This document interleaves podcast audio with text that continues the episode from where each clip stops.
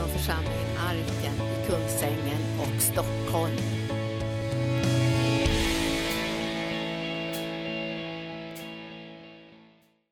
För ikväll ska jag tala om mod. Mod. Och det, vi behöver verkligen mod i våra egna liv, i församlingen. Men också för att kunna göra Guds vilja i den här världen behövs det mod. Därför att, därför att mod är någonting som också kan stå emot omständigheter och bryta igenom och inta mark för Guds rike. Och när Nehemja fick de här jättesvåra omständigheterna, ni vet ju det var ju riktigt jobbigt om ni läser Nehemja bok. Till sist blev ju han dödshotad. Och man till och med betalade falska profeter för att tala illa om honom. Alltså det var riktigt farligt och riktigt hotfullt. Och då kommer det en man som också är lejd av fienden och säger till Nehemja, nu Nehemja måste du dra dig undan och gömma dig, för nu är det så farligt.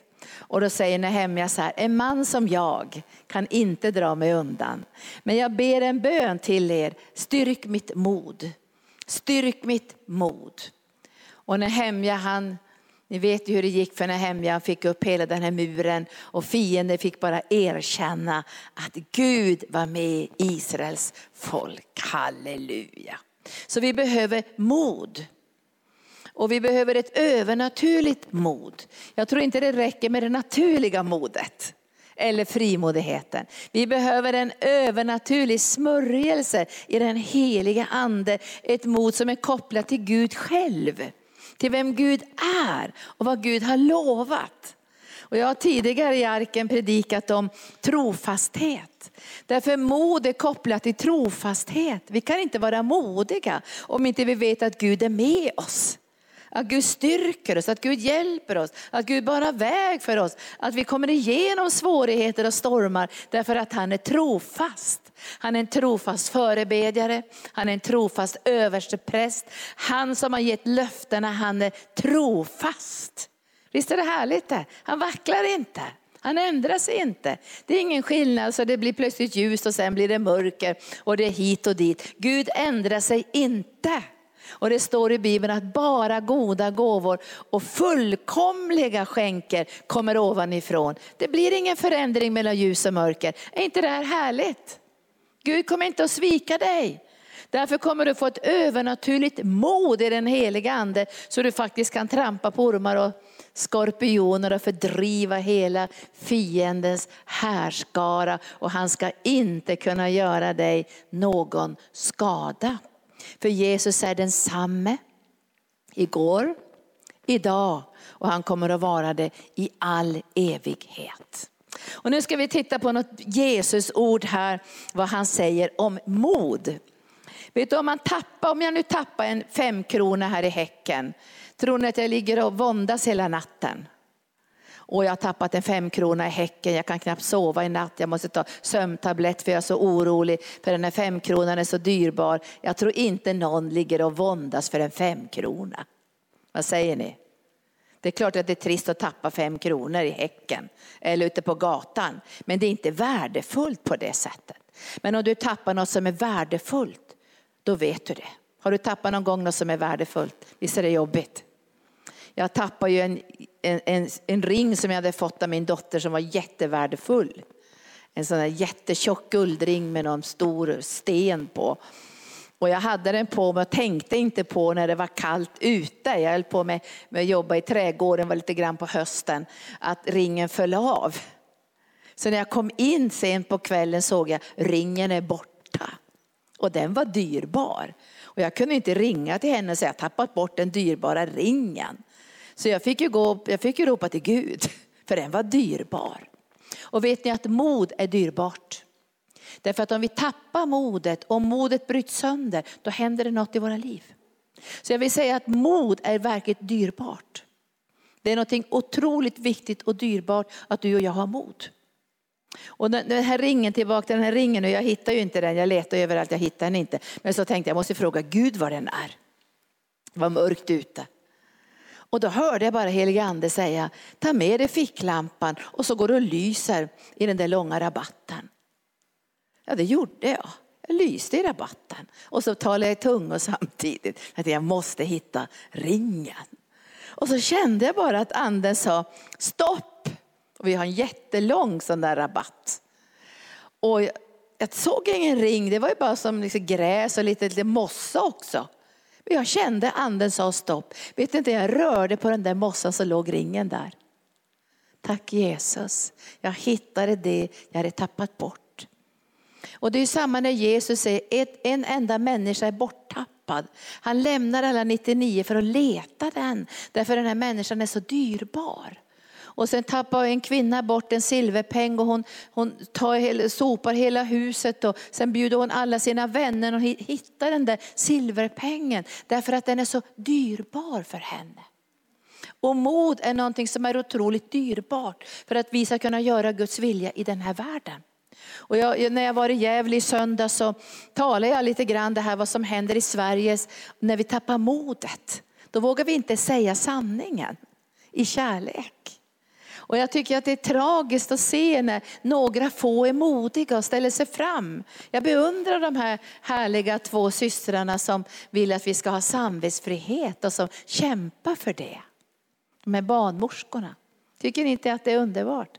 Men jag vill säga så här, vad händer med vårt land när människor förlorar sitt samvete? Vad händer när människor bryts sönder i sitt samvete? Då får vi en farlig värld. Men det som jag tycker är lite tragiskt i det här är att det är två tjejer som reser sig upp och ställer sig fram och nu får flytta till Norge. Tänk om tusen barnmorskor hade sagt halleluja. Här står vi samman, vi är modiga och vi viker inte undan en millimeter. Då hade hänt någonting i andevärlden. Då hade demonerna böjt sig, krafterna hade böjt sig. Då hade, också, då hade vi kunnat förändra lagarna, vi hade kunnat göra saker på ett helt annat sätt. Men jag tror att många har tappat modet förlorat modet, blivit rädda på grund av omständigheterna. För djävulen går ju omkring och ryter som ett rytande lejon och han tänker uppsluka den han kan uppsluka. Men nu ska vi se vad Jesus säger, uppmanar oss här och säger vi får inte tappa modet. Tappa inte bort det här som är dyrbart. Och så står det så här i 14 och 27. Frid lämnar jag åt er, min frid ger jag er. Den är dyrbar, eller hur friden? Det vi får från Gud det är dyrbart. Men modet får vi också från Gud. Och frid och mod och, och, och att veta vem Gud är, det sitter ihop. Vi behöver vara modiga i den här tiden. Och så säger Jesus så här, låt inte era hjärtan oroas och tappa tappa inte modet. Låt inte era hjärtan oroas. Han uppmanar oss ikväll och säger, tillåt inte era hjärtan att oroas. Varför blir vi oroliga egentligen? Vi är osäkra på om Gud verkligen vill hjälpa oss om han är med oss, om han kommer att styrka oss, om han kommer att ge oss bönesvar. Alltså då blir vi ju oroliga och då tänker vi det här måste jag fixa själv. Men vi behöver veta vem Gud är rättfärdigheten, helgelsen, överflödes Gud, vårt beskydd. Han är vår frid, han är vår herde. Han har allt det som vi behöver. Och det här måste vi veta för att vara frimodiga och modiga, eller hur? Vi kan inte vara som Uria, kommer ni ihåg Uria i Bibeln? Det var en av Davids eh, soldater som han, han hade tagit hans fru Batseba och syndat med henne. Och så tänkte han att du ska skicka ut Uria i kriget och, och sen ska alla soldater få dra sig tillbaka så Uria står helt ensam och blir dödad. Ni har kanske läst den berättelsen. Men det är inte roligt att vara modig och så träder du fram och alla tar två steg tillbaka. Utan Gud kommer att ge sitt folk ett övernaturligt mod i den helige ande och det kommer att kännas på insidan. Tappa inte modet, tappa inte modet. Och varför kan vi tappa modet? Jo det står i Bibeln, så här, du kan slå upp det om du vill, i Ordspråksboken 15 och 13, så står det hjärtesorg ger modlöshet. Så när det kommer en hjärtesorg in i våra liv, då tappar vi modet. Alltså besvikelse, saker som sker. Vi tycker att bönesvaret uteblir. Vi känner oss ensamma. Det händer saker i vårt liv som gör att vi tappar modet. Alltså hjärtat hjärtesorg. Och därför när vi har hjärtesorg, det har hänt någonting i våra liv, vi är besvikna, vi är rädda, vi är sårade på något sätt, så måste vi skynda oss på sekunden och söka Guds ansikte för att få tröst och läkedom genom den heliga ande. Därför att hjärtesorg öppnar för modlöshet. Och när modlöshet kommer så förlorar vi kraft. Vi förlorar kraft. För det står att modet, nu ska jag säga vad Guds ord säger här. Det står i Ordspråksboken 18 och 14 så står det så här, 18 och 14. Modet håller människan uppe under sjukdom. Men vem kan bära ett brutet mod? Modet håller en människa uppe under sjukdomstid, men vem kan bära ett brutet mod? Och det är väldigt svårt tycker jag när människor har ett brutet mod. Jag samtalar ibland med människor på telefon som är totalt förtvivlade. De har varit sjuka länge, men de har, de har ett brutet mod. De bara sitter och skriker sin förtvivlan i telefonen. Det är bara brutet på insidan. Och vad jag än säger, men Jesus är med dig, han ska hjälpa dig. Det är brutet. Och jag säger så här, vill du bli helad? Vill du ta emot från Jesus? Vill du ta emot hans läkedom? Men, men det behövs, man måste gå på en väg också för att få det här modet helat på insidan. Det är farligt med ett brutet mod. Och Jesus säger så här att ett brutet mod håller oss inte uppe i sjukdomen. Det drar oss ner i svart hål och vi blir förtvivlade. Vi tror aldrig det ska bli något helande. Vi ger upp efter vägen och det är väldigt många människor idag som ger upp. Det är till och med människor som är unga som ger upp och tar livet av sig. Därför att mörkrets makter har brutit något viktigt i deras liv, modet. Modet håller den sjuke uppe i nödens stund. Visst är det vackert? Håller oss uppe. Vad viktigt med modet. Och sen står det också, jag kan läsa det, jag citerar det bara, så står det så här. I Ordspråksboken 17 och 22, ett brutet mod tar märgen ur benen. Vet ni att märgen i benen är det, det fetaste. Det är det här som ger väldig näring, märgen. Men, men ett brutet mod tar bort märgen ur benen så vi kommer att bli kroppsligt svaga. Och det här vill mörkrets makter bryt, bryta sönder vårt mod så vi blir kroppsligt svaga. Så vi kan inte bära smörjelsen, vi kan inte gensvara till Gud när vi har ett brutet mod, för då orkar inte våra kroppar. Det är som att hela kroppen bara invaderas av svaghet, för ett brutet mod tar märgen ur benen. Och märgen är den här bilden på styrka, ungdomlighet, förnyelse. Och Bibeln lovar ju också att vi ska få nya vingfjädrar som örnarna och gå från härlighet till härlighet med ett brutet mod. Och jag vakar mycket över mitt mod. Jag vill inte ha det fästat i vad jag själv kan, själv förmår eller i utbildning eller i omständigheter. Jag måste fästa mitt mod i Jesus. Det är han som har gjort oss modiga. Det är han som har övervunnit dödens makt. Det är han som har vunnit seger så vi kan gå i segertåg med honom och ingenting kan skilja oss ifrån hans kärlek. Det finns ett övernaturligt mod som är givet i den heliga ande så att vi inte ger upp. Vi får inte ge upp. Vi får inte tappa modet. Och jag, jag läste en gång i Bibeln och tänkte vad jobbigt det är när folk tappar modet som har kallelse och uppdrag från Gud. Och jag, jag, tänkte på Elia, han hade ju väldig eldsprofet. Han var ju en riktig eldsman. Han hade catch the fire. Alltså han utmanade Balsprofeterna och han var mod, han var ju fruktansvärt modig. Har ni tänkt på det? Alltså det nästan bara var han som var kvar. De hade dödat mängder med, med, med, profeter, men det var ju några kvar, det har ni läst i Bibeln. Men han kände sig ganska ensam. Men vad modig han var. Han utmanade kungen först och sen utmanade han Balsprofeterna. Och han säger till dem, bygg era altare ni så får vi se vem som svarar med eld. Och han häller så mycket vatten på sitt altare så det ska vara omöjligt att tända det altaret på ett naturligt sätt. Och Baalsprofeterna ropar och skriker och de skär sig så blodet rinner och han retar dem till och med. Har Baal gått på toaletten säger han. Sitter han och mediterar? Kanske han är på resa. Jag citerar mera levande bibel nu, men det står så. Har han gått på avträdet, har han gått avsides, kanske han mediterar, kanske han har rest bort. Och de skar sig och de skrek och de härjade och det hände ingenting. Vilket mod! Jag är helt imponerad. Alltså han var ju modig. Jag är inte säker jag hade vågat utmana dessa Baals profeter. Kraftfullt. Och sen kom elden från himlen. Bara dånade till. Men du vet att djävulen låg på lur där. Han låg på lur där. Och ni ska veta när vi har de där segrarna och vi bryter igenom och det sker underbara saker. Då är djävulen där för att komma åt oss. Vet ni det? Har ni känt av det någon gång? När jag var ung så sa man alltid så här, akta dig för den karismatiska baksmällan. Vad är det, sa jag.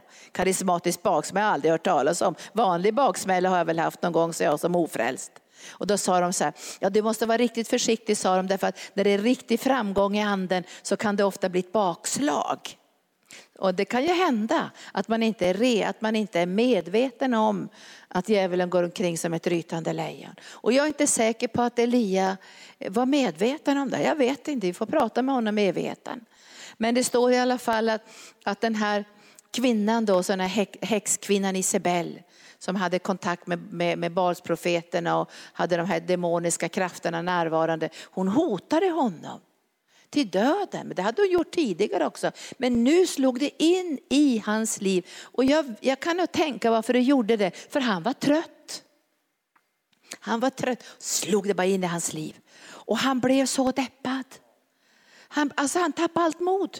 För att hon stod där och skrek att hon skulle, han skulle dö. Det hade han ju hört förut. Men nu slog det till. Vet ni vad jag talar om här? Alltså vissa tider så känner du och jag, vi bryr oss inte. Halleluja, det är bara seger. Och sen kan det bara slå till och vi bara puff faller ihop som en potatissäck. Vi ska vara vaka över det här.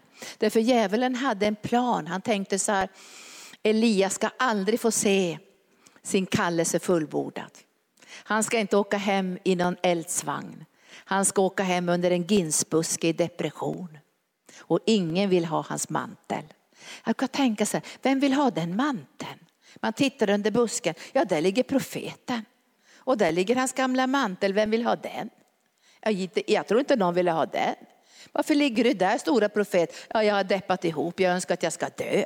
Han hade jättedåliga böner därför han hade tappat modet. Så han började be sådana där hemska böner. Ta död på mig nu. Och så la han manteln vid sidan om. Vem vill ha den? Och jag tror att det är ett svek att lägga manteln där och ge upp efter vägen. För det var ju tänkt att han skulle slå manteln på Elisa. Slå manteln på Elisas rygg och så skulle han få ny kraft från Herren och springa ända ner i dalen. Han skulle få se det här genombrottet och sen skulle han hem i eldsvagnen och Elisa skulle bli så avundsjuk på den där smörjelsen så han säger, jag vill ha dubbel smörjelse, jag vill ha din mantel. Men jag tror inte att Elisa ville ha manteln när han låg under ginsbusken. Kan jag få din gamla mantel här och äta upp? Vem vill ha den manteln. Och du får tänka på det, det är därför som djävulen attackerar. Därför att, därför att människor säger, vad är den Gud någonstans? Var är den tro någonstans? Ni bara deppar ihop. Ni är väl lika deppade som alla andra och lika sura som alla andra och lika nedbrutna som alla andra. Det är inte du och jag, för vi har fått en övernaturligt mod i den helige ande. Det är inte naturligt mod, det är inte för att vi har peppat upp oss, inte för att vi har mediterat och gjort yoga och bekänt tio gånger någonting, utan det här har kommit från himlen. Ett mod som har kommit ifrån himlen och det är därför som Jesus säger, tappa inte bort det här modet. Och ni vet ju vad Gud gjorde med Elia. Han gav honom ny styrka och kraft och uppenbarelse för honom. Och han fick den här underbara sista sträckan där han fick gå i segertåg och ha en medarbetare med sig. Gick till Gilgal och Jeriko och Jordan och sen fick, fick ju Elia, Elisa den här manteln och han slog den mot Jordans vatten och det skedde mirakler. Halleluja. Han fick tillbaka modet. Och även om man har tappat modet kan man få tillbaka det. Därför att det kommer från himlen. Och Gud ångrar ju inte gåvorna. Så det här är en gåva som du och jag har fått. Vi måste få mod för att kunna göra Guds vilja. Vi kan inte böja oss inför världen och inför världens makter och, och vi darrar inför myndigheter och, och allt vad det är som finns i den här världen. Vi darrar inte inför det. Och jag tycker om, jag, jag bara njuter när jag läser i Bibeln och tänker på vad härligt. Jag tycker jag skulle vilja, mm, det här gillar jag när de hade blivit förföljda och slagna apostlarna och, och de sa vi förbjuder er att prata om Jesus. Vi förbjuder, vem kan förbjuda dig att tala om Jesus? Name one. Och de säger så här, ska vi lyda er mer än Gud? Svara på frågan själv. Ska vi lyda Gud mer än, ska vi lyda er mer än Gud? Det är klart att vi inte gör det. Jag gillar det. Ni får inte predika om Jesus, ni får inte berätta om det här namnet, ni får inte, det brydde väl sig inte de om. De var ju kopplade till himlen. De hade ett övernaturligt mod i den heliga ande. Gillar ni det här? Ni känner lejonet av Juda. Varför är du rädd för det som är hö och strå? Det var någon, åh men Trump, ja, men Trump, tänk om Trump gör olika saker. Trump är väl över 70 år snart. Det är bara hö och strå. Ni ska inte vara rädd för det som är hö och strå. Om ni ska vara rädd för någonting på ett heligt sätt ska det vara Herren Sebot som har skapat himmel och jord. Men människor är bara hö och strå. Det är bara hö och strå. Tänk på det. Jag hörde, jag såg en film, en knäpp film en gång, så sa, det var någon som skulle vara rädd för att hålla ett föredrag. Och då sa de så här, tänk på de som sitter i lokalen som om de var utan kläder. Det kan man ju inte göra, men jag kan tänka på dem som att de är hö och strå. Vad kan de göra mig? När jag har Herren Sebot på min sida. Och det står i Apostlagärningarna 4, de gick inte hem apostlarna och sa så här, åh fy vad jobbigt allting Vi får ju inte predika längre om Jesus, nu får vi bara låsa in oss här och vara lite försiktiga. Halleluja. Vad sa de?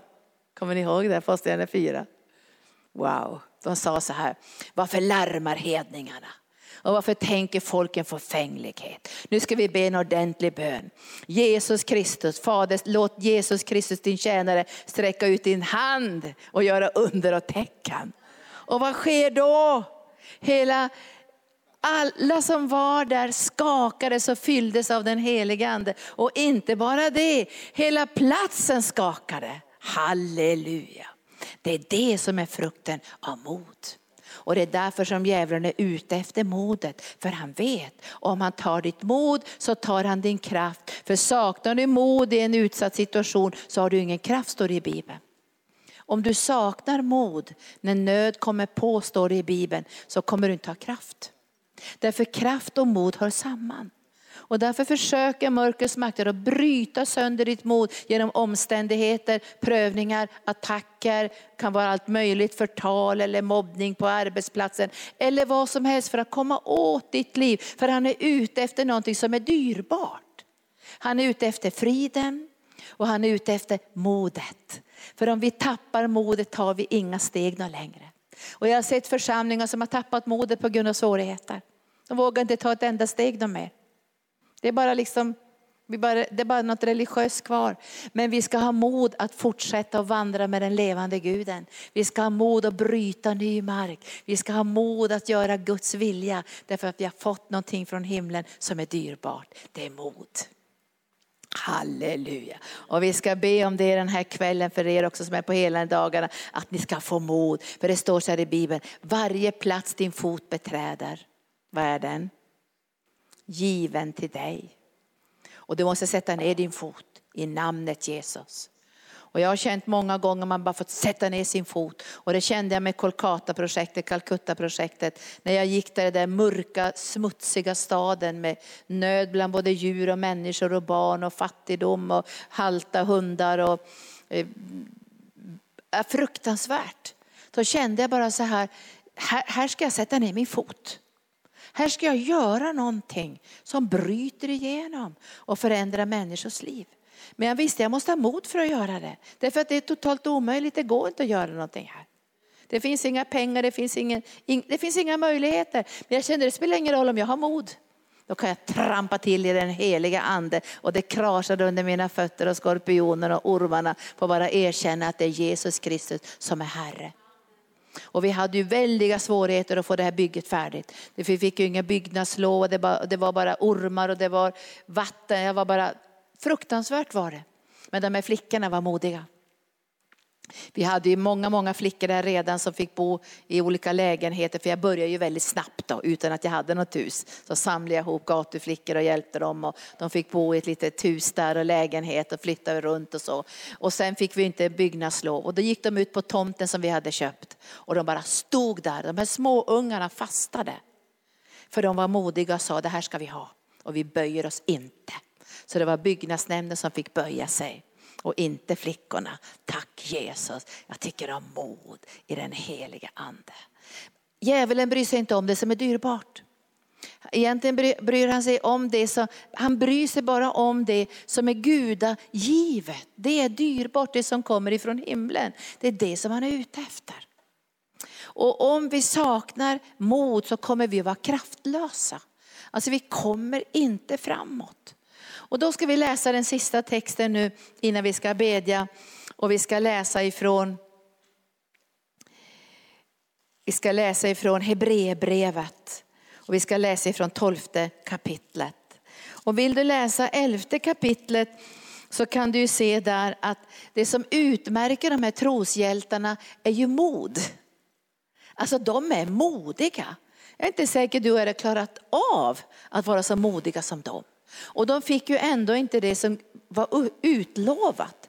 För det fick inte de förrän vi skulle träda fram. De skulle få det tillsammans med oss. Men det finns ju ett väldigt mod hos de här människorna. Och, och Abraham som, som bröt sig loss och, och Moses som valde att lida bland Guds folk. Och, och Barak som trädde fram och säger, jag går inte utan det Debora. Barak var före pastor Gunnar att man och kvinna skulle kunna stå sida vid sida. Barak bröt mark för man och kvinna och säger, jag går inte utan Debora. Vi ska gå tillsammans. Vi ska sjunga segersången tillsammans. Så alltså vi ser det här modet hos de här människorna. När vi läser om, om, om, om de här troshjältarna i kapitel 11 så har de ju väldigt mycket mod. Och jag tycker, nu, nu, ska jag inte tala om övermod och att vi blir överandliga och tar steg som inte Gud leder oss till. Utan vi kan ju vara modiga i köttet också, men det håller ju inte. Men det finns ett mod som kommer från himlen och det vill jag att vi ska ha. Visst vill vi det? Det är modet. Så vi kan stå inför världen och säga, jag tror på Jesus. Jag älskar Jesus. Och vi får inte vackla inför den ogudaktiga. Vi får inte vackla när människor frågar, Nej, men tror du på Jesus? Är du sån där Jesus troende? Ja det är jag, älskar Jesus. Och jag kommer ihåg när jag skulle göra tv-program, jag tror det var för TV4 eller något, och då skulle de utmana mig där. Så de sa så här, talar du tungor? Ni vet den där känslan, man har mikrofoner under så här så man ser riktigt otäck ut och så säger talar du tungor? Halleluja tänkte jag, nu får jag tillfälle. Så jag sa så här, ja det gör jag, sa jag. Och jag kan tala i tungor nu, sa jag. Så ni ska få höra hur det låter. Så berättade jag att jag ska tala direkt till Jesus. Jag började tala i tungor och utifrån tungotalet kom det profetord till Sverige. Det tog de inte med, men de tog med tungotalet. Och vi kommer få utmaningar. Och då går det inte i stunden, jag måste få mod, vars är mitt mod? Utan tänk så här varje dag, jag har ett övernaturligt mod i den heliga ande. Och jag tänker inte vackla inför världen, inför myndigheter, inför läkare eller vad det kan vara som, som, som, som, kom, som kommer att påverka i ditt liv. Därför du har ett övernaturligt mod i den heliga ande och du öser ur en annan källa än den här världen öser ifrån. Och man vet egentligen inte om man är modig förrän det är skarpt läge. Man vet egentligen inte det.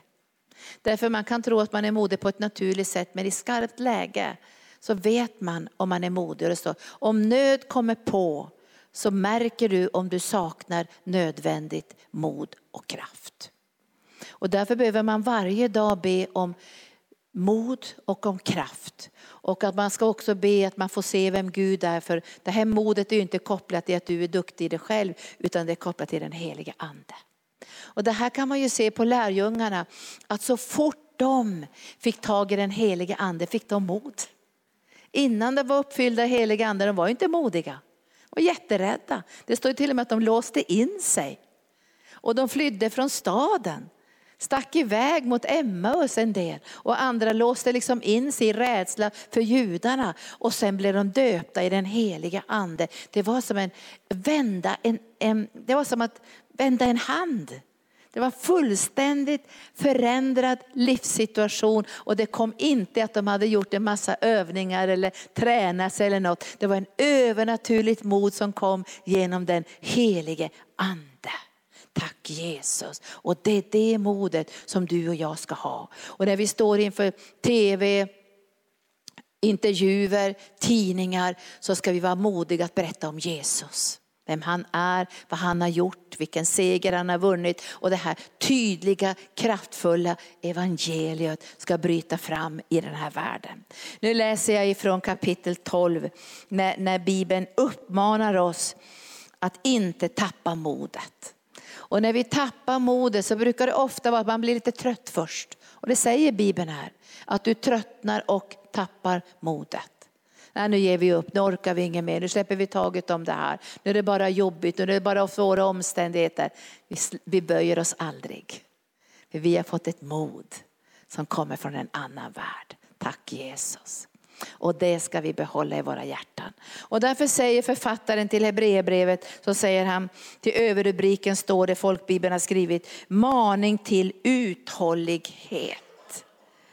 Och då står det så här, när vi har en stor sky av vittnen omkring oss, så är det de som vi kan läsa om i kapitel 11, så ska vi lägga bort allt som tynger och särskilt synden som snärjer oss så hårt och löpa uthålligt i det lopp som vi har framför oss. Alltså vi ska löpa uthålligt. Alltså vi ska löpa med mod också. Att vi kommer att klara av omständigheterna och svårigheterna. Jag vet inget arbete som inte har svårigheter eller omständigheter eller attacker. Jag tror inte det finns något Guds verk som inte djävulen är arg på. Det finns inte en enda troende som inte djävulen skulle vilja krossa. Därför han vet om att vi bär på det gudomliga, vi bär på uppdraget, vi bär på smörjelsen, vi bär på orden som himlen har planterat in i våra liv. Och då säger författaren så här, låt oss ha blicken fäst på Jesus. Och jag strök under det där fäst faktiskt, därför att det, det, man kan ju flacka med blicken också. Och det gjorde ju Petrus, eller hur? Han såg Jesus och så såg han vågorna och så flackade blicken. Och det här vet Gud i himlen, att det är lätt att flacka med blicken. Att vi ser svårigheterna, omständigheterna, det här jobbiga och då får vi inte titta på det för länge. Vi kan inte undvika att titta på svårigheter, det, det, det, det tror jag inte någon klarar av. Men Bibeln uppmanar oss att fästa blicken på Jesus och ha kvar blicken på Jesus så länge och så mycket och så uthålligt som det bara går. Fäst blicken på Jesus. Varför ska vi fästa blicken på Jesus? Därför han är vår kraftkälla.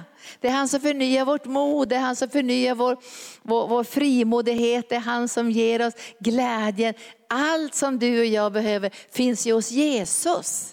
Det finns ju inte i omständigheterna, för jag tycker inte alla omständigheter är gynnsamma. Men så står det så här, låt oss ha blicken fäst på Jesus, trons upphovsman och fullkomnare. Alltså, Jesus är trons källa, alltså trons upphovsman betyder källa. Källan för all tro är Jesus. Och därför vet du och jag, i varje situation vi kommer i så räcker Jesu tro. Din och min tro räcker inte alltid, men Jesu tro räcker. Alltså hans tro räcker, för han har fullkomnat tron. Alltså tron i Jesus är fullkomna, det finns ingen brist i den tron. Det finns ingen svaghet i den tron. Det finns ingen modlöshet i Jesu tro. Det finns inte, nu ger jag upp i Jesu tro. Han ger inte upp. Alltså det tycker jag är så tänker, Han är trons hövding och fullkomnare. Det finns ingen människa i den här världen som kan leva upp till det här. Att vara källan för all tro och ha fullkomnat trons vandring. Det betyder att han har segrat i varje situation. Tack Jesus, tack Jesus.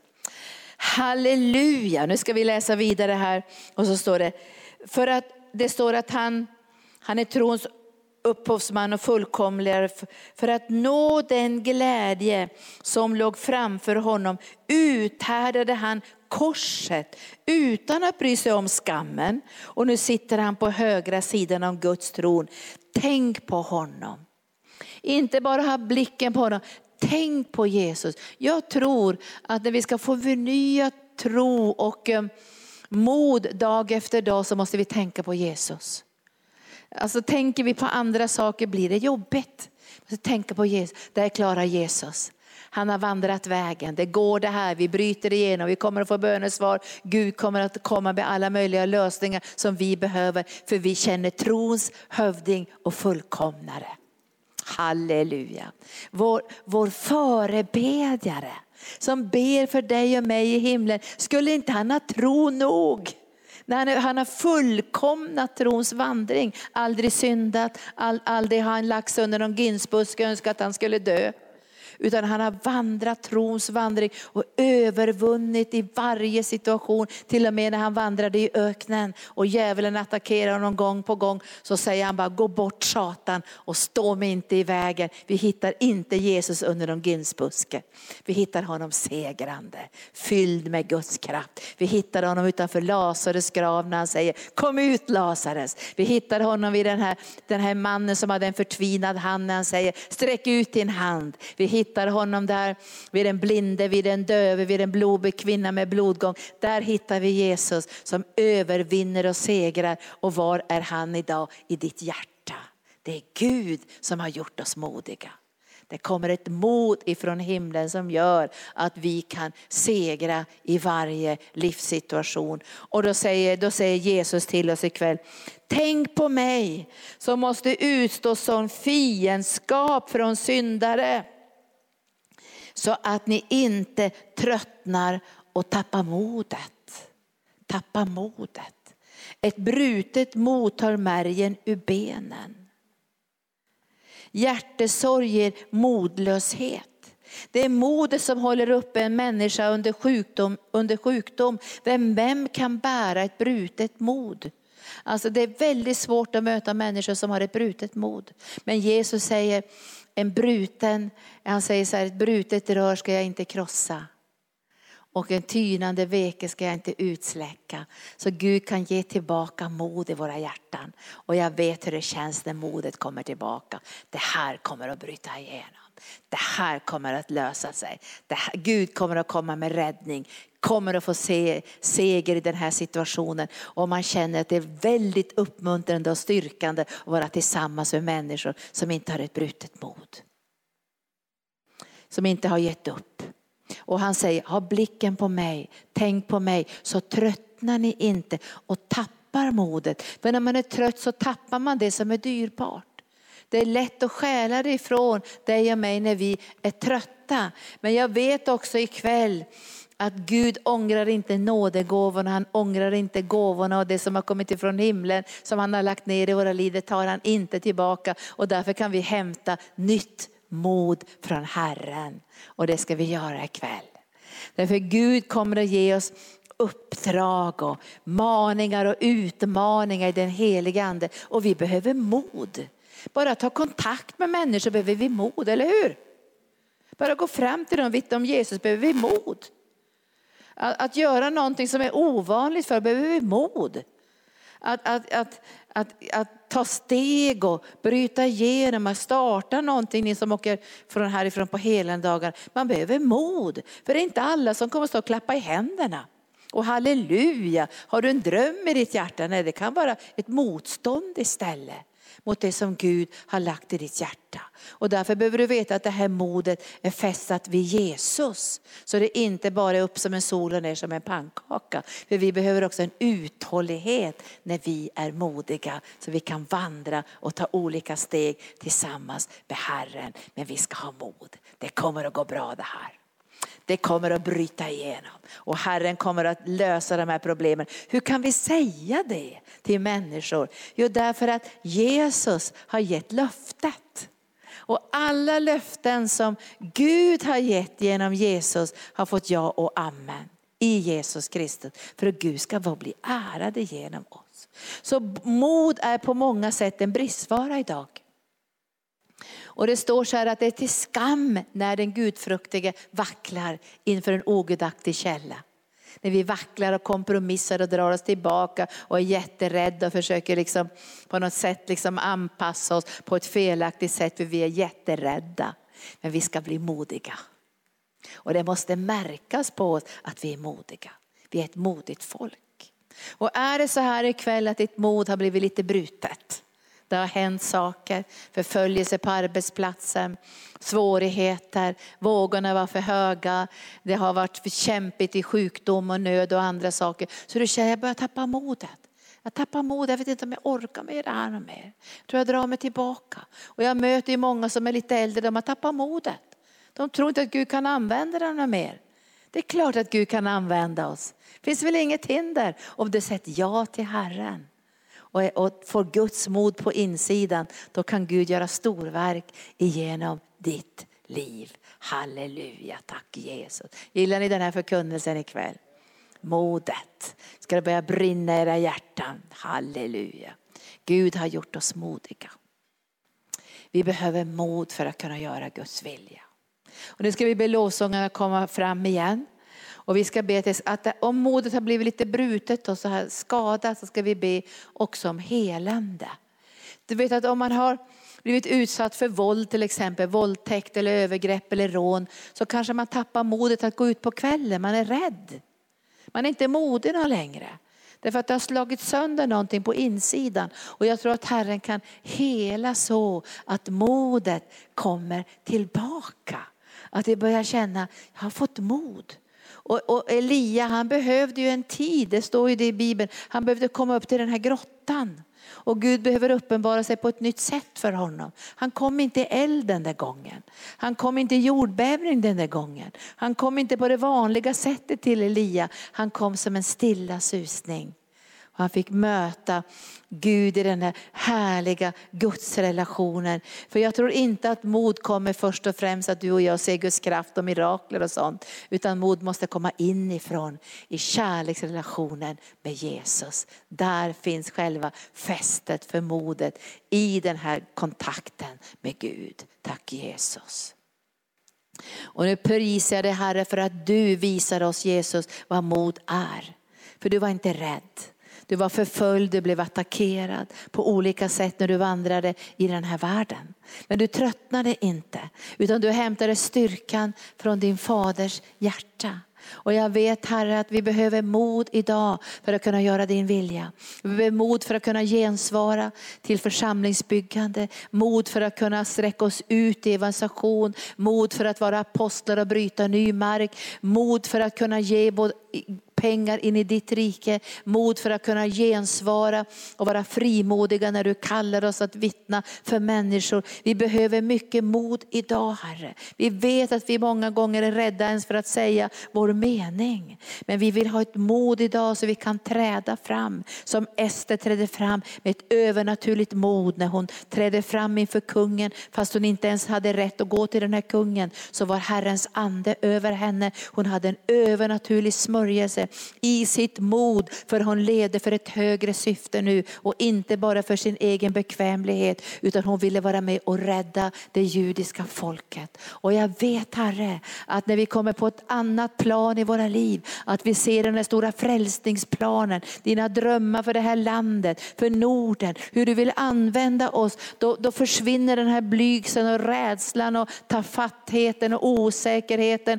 och den dåliga självkänslan och allt det här och vi börjar få ett gudomligt, heligt mod på insidan där vi kan stå för Jesus, bekänna Jesus, proklamera Jesus, där vi kan be för de sjuka och kasta ut onda andar, där vi kan predika evangelium in i ungdomsvärlden, in i äldrevården, in i skolvärlden, in i sjukvården. För vi är modiga därför att det är Gud som har gjort oss modiga. Och jag ber ikväll att det här modet som kommer genom den heliga ande ska strömma in i våra liv så vi kan träda fram.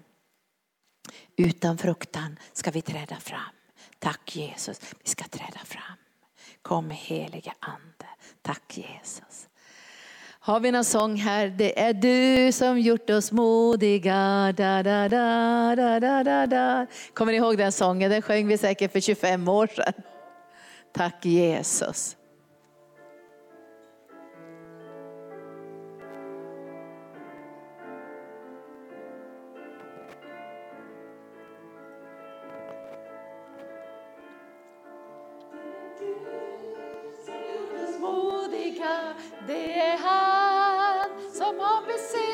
Besegrat det är han som sjunger segersång. Han är kung, Gud har övervunnit allt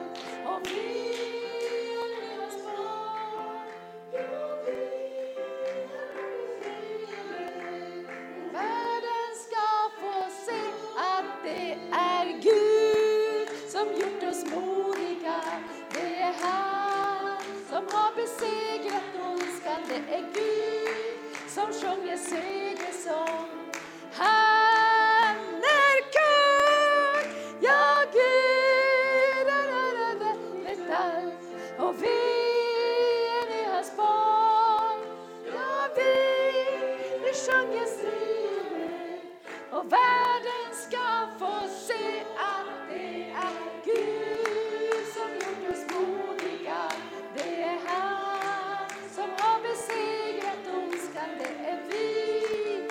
sjunger segersång.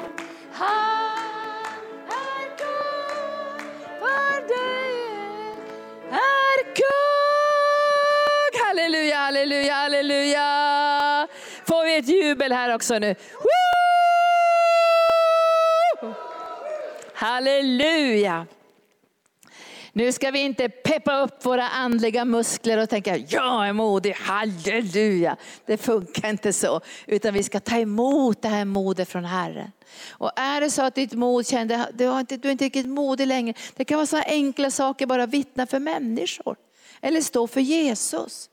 Det har varit lägen när jag borde ha sagt någonting om Jesus, men jag gör det inte. Jag vill inte vara i sådana situationer. Jag vill alltid vara liksom på framkanten, kunna säga något gott om Jesus.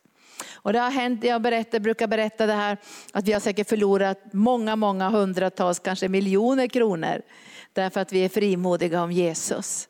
Tiger man om Jesus så är det mycket lättare att, att få pengar om man döljer det där med Jesus. Och man säger, vi pratar inte om Jesus, vi säger inte ett enda ord om Jesus. Det är klart vi gör det. Det är därför vi gör det vi gör, för vi älskar Jesus. Jag gillar inte kompromiss. Ja. Att stå där inför myndigheter, ja vi säger ingenting om Jesus men vi vill ha era pengar, behåll era pengar. Vi fick mycket pengar från Sida förr i världen. Men så började de kräva att vi fick inte säga något om Jesus. Tycker ni vi ska ta pengarna då? Absolut inte. Och jag har varit i lägen med, med kända människor här i Sverige som har velat stödja arken med ekonomi. Och det har ju varit frestande, vi har fått visa bilder på, på barnen och allt det här. Och sen kommer frågan, är det här kristet? Har det med Jesus att göra?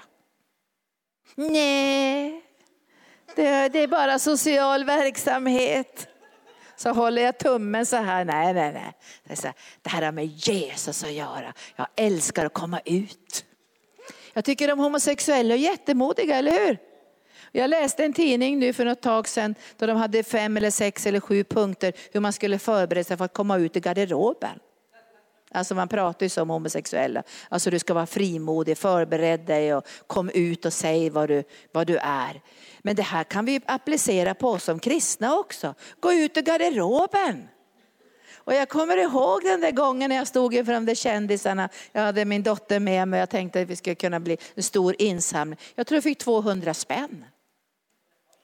Bara för att jag sa så här, det här handlar om Jesus. Och drivkraften är kärleken till Jesus. Och jag skulle inte göra en enda sak över världen om det inte var för att jag älskade Jesus. Och jag kände när jag sa det, kände jag vi kommer att förlora alla pengar i det här läget kring den här situationen. Men jag kände så halleluja, jag dansade hem för jag kände halleluja, jag har sagt något gott om Jesus. Ska få vara modig ska inte vackla och säga, åh jag gömmer nu, jag bara tror lite grann på Jesus. Och jag berättade för elever att vi, jag läste på Svenska Dagbladet, eller så var det DN, det var någon som skickade till mig, hur, hur de här liberalerna kunde göra, du gå in, som skulle ha någon motion till riksdagen, att man skulle stänga alla religiösa skolor och sen skulle man inte få starta kristna skolor heller. Och då stod det så här, jag bara tyckte vad, vad är det med dem? Så stod det så här, det här med tron får ni väl ha på fritiden. Och då tänkte jag så här, vad tror de om oss? Att vi går på ett möte en gång i veckan som en sån här liten frimärksförening när vi träffas och sen och träffas vi lite grann och så är det en fritidssyssla, typ golf. Det här är ju hela vårt liv vänner. Det är ju allt. Det är vår fritid, våra pengar, vår prioriteringar. Det är allt att tjäna Jesus. Det är ingen fritidssyssla. Och därför så bekänner vi oss till Jesus överallt. För vi är modiga. Vi behöver inte liksom härja med folk. Men vi tar varje tillfälle i akt och säger, jag vill bara säga en sak här. Jag älskar Jesus. Och så känner du liksom härlighetens ande vila över dig i de här små sakerna. Sen kommer stora utmaningar då du får bekänna dig till Jesus. Det kanske till och med om du blir skjuten får du bekänna dig till Jesus. Men vi är inte där än. Men vi kan ju öva oss här och vara modiga i vår bekännelse till Jesus och åtminstone ge vårt vittnesbörd.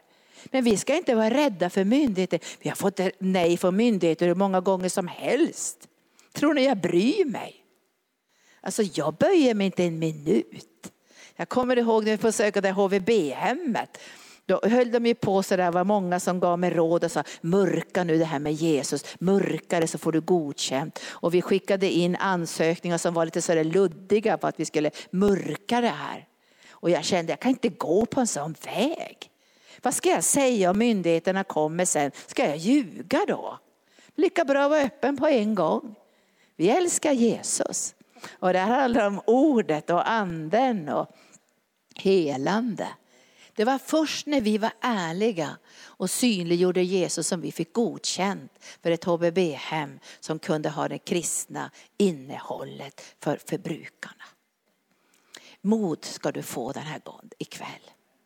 Och jag kände det behövs ett mod som gör någonting i vår in, att vi känner bara, nu får det vara nog med den här fegheten. För det var nog med den här rädslan. För det var nog att vi böjer oss för alla möjliga krafter och makter och körs över. Vet ni, en kristendom utan mod trampas ner och föraktas av världen. Det står det. Förlorar vi vårt salt så trampar de ner oss. Vi är bara marginaliserade. Jag tycker att vi är ganska marginaliserade idag som kristna. Men det ska vi ändra på. Genom den här lilla gruppen som är här ikväll kan vi göra stordåd. Kunde Gud göra stordåd med sina tolv lärjungar och en liten grupp som samlas på övre salen så kan Gud utifrån den här kvällen förändra tusentals människors liv. Därför att det händer något i din ande. Och jag har ju sett människor som har börjat få tro igen, alltså de blir helt vilda lägger händerna på de sjuka och predikar. Och, och, och jag har vittnat idag, människor har blivit andedöpta och jag la händerna på de sjuka och de blev friska. Det är ju roligt att vara modig. Eller vad säger det? Visst är det kul att vara modig? Vi säger du att det är kul att vara modig? Inte är det kul att vara feg. Man känner man bara skäms efteråt. Varför sa jag ingenting? Men om man nu har tappat modet så kan man få tillbaka det. Och sen ska jag säga en sak, halleluja. Man får tillbaka mera än man har tappat. Det står så här, om tjuven blir tagen på bar gärning så får han ge tillbaka sju gånger. Alltså vi blir så modiga så vi nästan spricker efter den här kvällen. Sju gånger. Men kanske vi behöver det. För en tid som denna. För Ester var rädd. Hon vågade inte. Jag vågar inte, jag vågar inte. Så sa fasta med mig. Tre dagar utan mat och vatten, fasta med mig. Och då händer det någonting. Och jag tror att mod är vackert. Alltså jag tycker att det här feghet är inte särskilt vackert, det är inte lockande, det är inte, det är inte, det är inte så, så man blir inte inspirerad av det. Men man märker att det finns en tro, en mod. Och jag tänker på den här Sebbe då, nu har jag inte lyssnat så mycket på honom. Men min dotter känner ju honom lite grann. Och hon sa så här, så, så sa hon så här till mig, jag tycker Sebbe är mer radikal än du, sa hon. Och jag tänkte halleluja. Men jag tänkte han är säkert dödsradikal därför han har gått från död till liv. Han måste vara radikal, annars faller han tillbaka i kriminalitet och droger. Alltså han måste vara helt radikal och modig i varje möte med mörker och synd. Och vi ska be ikväll, vi ska lägga händerna på er. Vi ska be att himlen ska öppna sig och Gud ska liksom befrukta det som ni redan har på insidan. Det gudomliga modet. Vad säger du Victoria? Halleluja. Lovar ni nu att ni går ut och sätter upp affischer? Klistra upp dem, men vi får ta ner dem sen. Men klistra upp lite affischer och hitta lite anslagstavlor. Och gå till skolan, det är tjockt med unga, jag bor ju där vid skolorna. Gå när de slutar skolan där och så är ni där och vittnar och berättar om ungdomskonferensen och så är ni frimodiga. Kasta inte bort din frimodighet för den ska ha med sig stor lön. Fri, modig och het. Det är en bra kombination. Fri, modig och het. Så att nu ska vi ta emot från himlen, halleluja. Och du kommer inte att känna igen dig själv från ikväll. Du kommer, vad har hänt med mig? Jag börjar bli modig. Så, lovsångare. Vi avslutar den här kvällen med handpåläggning och så låter vi den heliga ande bara få verka. Så tar ni bara emot och så på det här modet fylla era hjärtan och så ska ni få åka härifrån på helendagsgäster. Bara man känner halleluja. Nu är det slut med feghet och kompromiss och rädsla för människor. Vem är rädd för hö och strå? Vad kan människor göra dig när Jesus bor på din insida? Och jag bara tackar dig nu Jesus för den här smörjelsen av mod ikväll. Den heliga ande ska fylla oss med mod. Vi behöver mod för att stå fasta och övervinna och stå för sanningen och ljuset i den här världen. Vi behöver mod för att kunna stå och vara bekännande inför människor som föraktar oss. Vi skäms inte för Jesus. Vi skäms inte för evangelium. Så jag tackar dig Gud för mina älskade syskon. Om de har ett brutet mod ska du hela det. Om de har hjärtesorg ska du låta oljan flöda in i deras liv.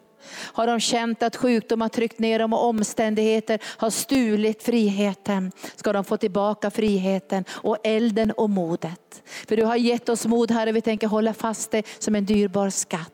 Så jag ber dig bara rör vid trosyskonen och rör vid mig ikväll.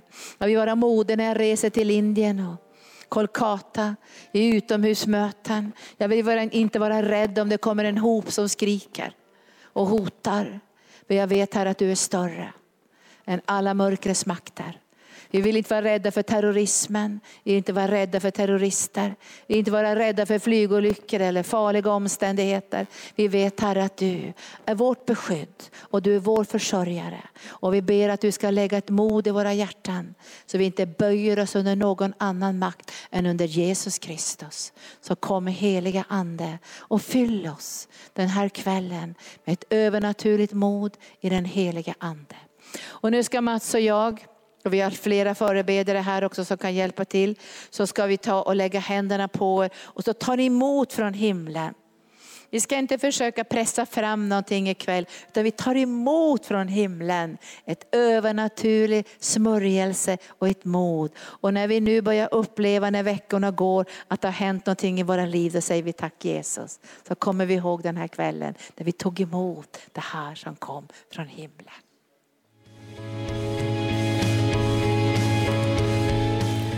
Tack för att du har lyssnat. Vill du få del av mer information om församlingen Arken, vår helande tjänst, bibelskola och övriga arbete, gå in på www.arken.org.